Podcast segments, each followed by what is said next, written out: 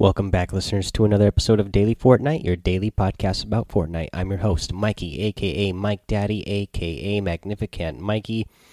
Uh, today, first thing we're going to get to is just going to let you know that the Getaway LTM has been changed from squads to solo for 24 hours.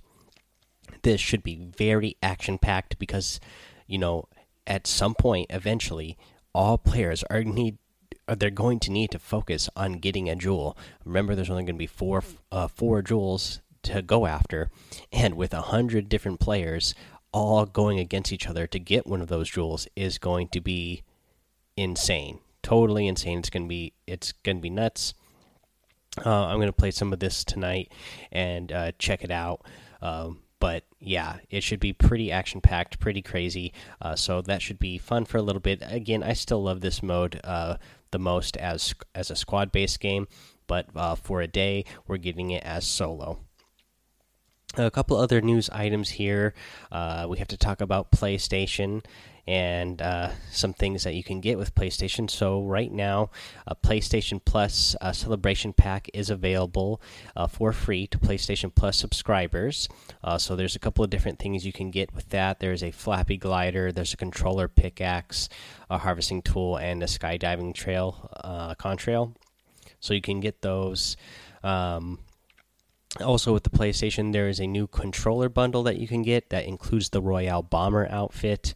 Uh, right now, it's only available in the US, and this outfit was uh, previously only available uh, if you purchased the bundle that it came with uh, with the PlayStation Slim.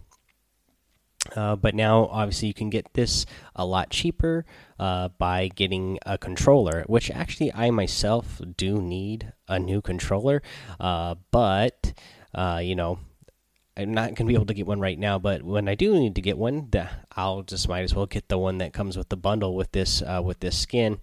Again, I still feel uh, bummed out doing anything that really supports uh, PlayStation uh, and Fortnite, just because they will not uh, just you know they're not giving in at all to uh, the to the console crossplay situation here. But you know, if the if you are interested, if you really got to have those things, uh, then they are available now. And in fact, you know, I have a PlayStation and I have PlayStation Plus, so I'm still going to go download them.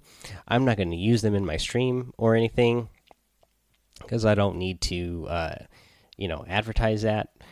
But you know, they're there if you want to use them. Let's see here let's talk about what's in the item shop, the actual item shop. Uh, so right now you get the Beef Boss skin. Uh, is in the item shop right now. This is again, this is the featured item section. You get the uh, flying saucer glider. You get the patty whacker harvesting tool. Uh, right now, you also have the Maverick skin in there, and you get the shade skin, and you have the clutch axe harvesting tool. I pretty much like all three of the skins that are in the featured uh, section here today. Uh, let's go on to what's over in the daily items. You get the True Heart emote. You get the Glow Stick emote again, which I'm a big fan of, and we've talked about this on Discord before because this one makes a sound that kind of sounds like a lightsaber. Uh, you get the Light Show skin. You have the Recon Specialist. You have Living Large emote and the Jolly Roger glider. Uh, that's what we have in the the daily item shop today. Uh, let's get into our tip of the day. And the tip of the day is all about using the suppressed AR and just some different things uh, to, you know, to think about when you're using it now that it's been out for a little bit over a day. And I'm sure a lot of you have had a chance to go uh, check it out and play with it. Uh, maybe you haven't got to pick it up very much, so you haven't had a lot of experience with it yet and uh, this will be uh, for you. That way, the next time you pick it up, you have these things to think about. Uh, so, one thing to think about is that it's hard for enemies to hear where you're shooting from when you're using this because it's fully silent at about 40 meters, and even when the enemy is closer, you know, within 40 meters of you, it's still not easy to hear and easy to tell exactly where the shots are coming from.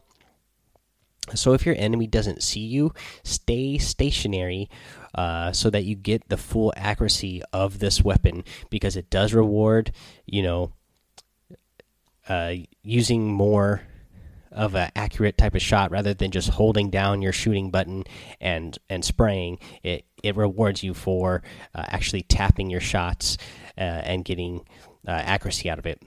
because this, uh, when you when you go when you aim down your sights, this goes to full accuracy almost instantly.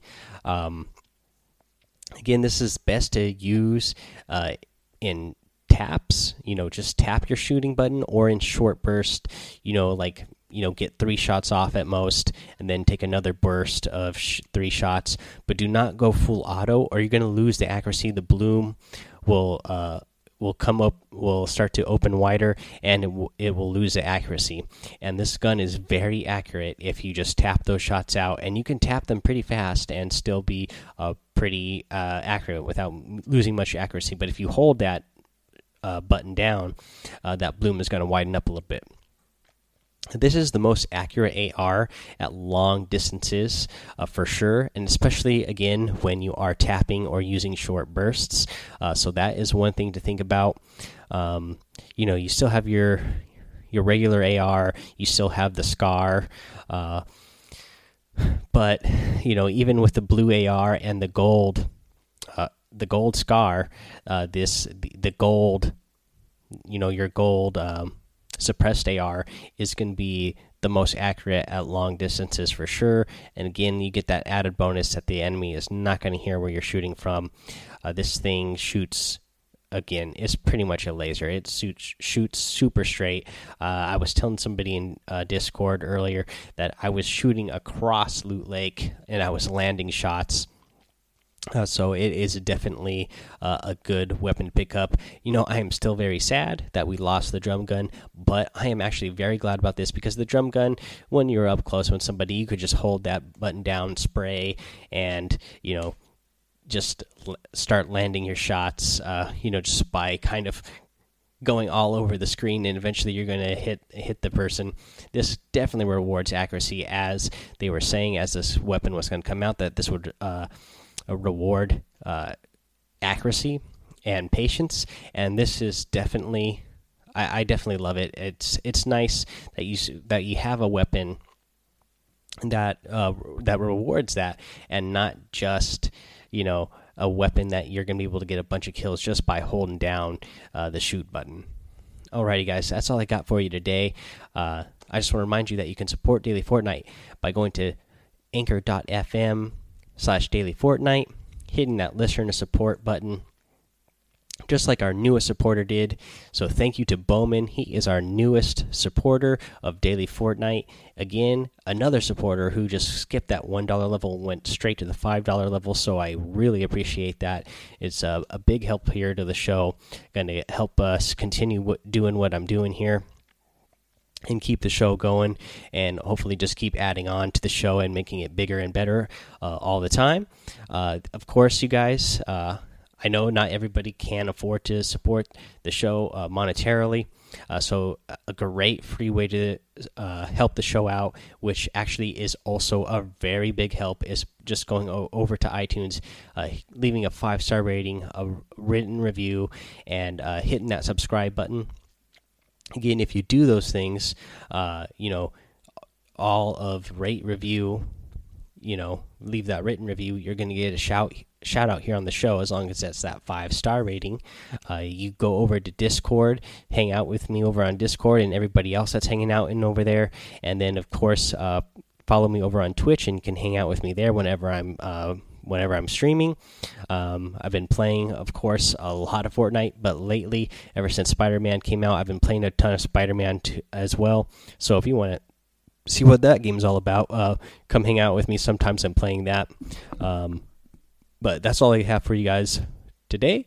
We'll be back tomorrow, of course, because this is a daily podcast. So until then, have fun, be safe, and don't get lost in the storm.